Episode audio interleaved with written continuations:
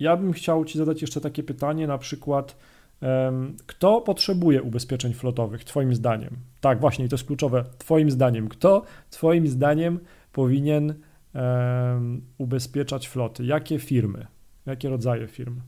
E, wiesz, teoretycznie tak naprawdę no, ubezpieczenia flotowe mogą mieć firmy, które już mają od trzech, pięciu pojazdów z okay. A z tym, że ja uważam, że w takich miejscach nie trzeba się też dokładnie wiązać jakby tą umową generalną i brać flotę już na te kilka pojazdów, bo często gęsto to są mniejsze firmy, które zazwyczaj mają pojazdy po prostu na siebie w rodzinie, tak? Tylko, że są zarejestrowane na firmę, więc jakby tutaj nie ma tej takiej dużej potrzeby. Największa potrzeba pokazuje się wtedy, kiedy e, pracownicy zaczynają poruszać się naszymi samochodami, tymi, które mamy zakupione na firmę.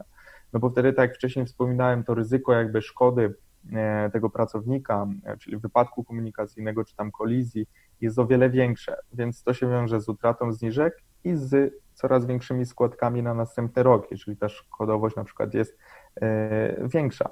Aczkolwiek to też nie jest powiedziane, że mamy pracowników, którzy co chwilę, wiesz, będzie jakaś kolizja, tak? Nie, nie, wiadomo, jakby nie, nie stygmatyzujemy, to jest jasne, to się może każdemu zdarzyć, tak?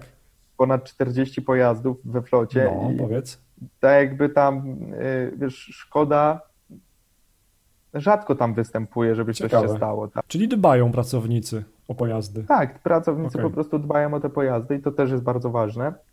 Aczkolwiek, jak mówię, no ta flota dla nich jest takim zabezpieczeniem, bo jednak jak już coś się stanie e, i będzie jakaś zwyżka, to będzie zwyżka na ponad 40 pojazdów w ciągu roku. Okay. E, więc no, jeżeli chodzi o wydatek na ubezpieczenie komunikacyjne w ciągu roku, no to już nam to robi e, sporą różnicę. Nie?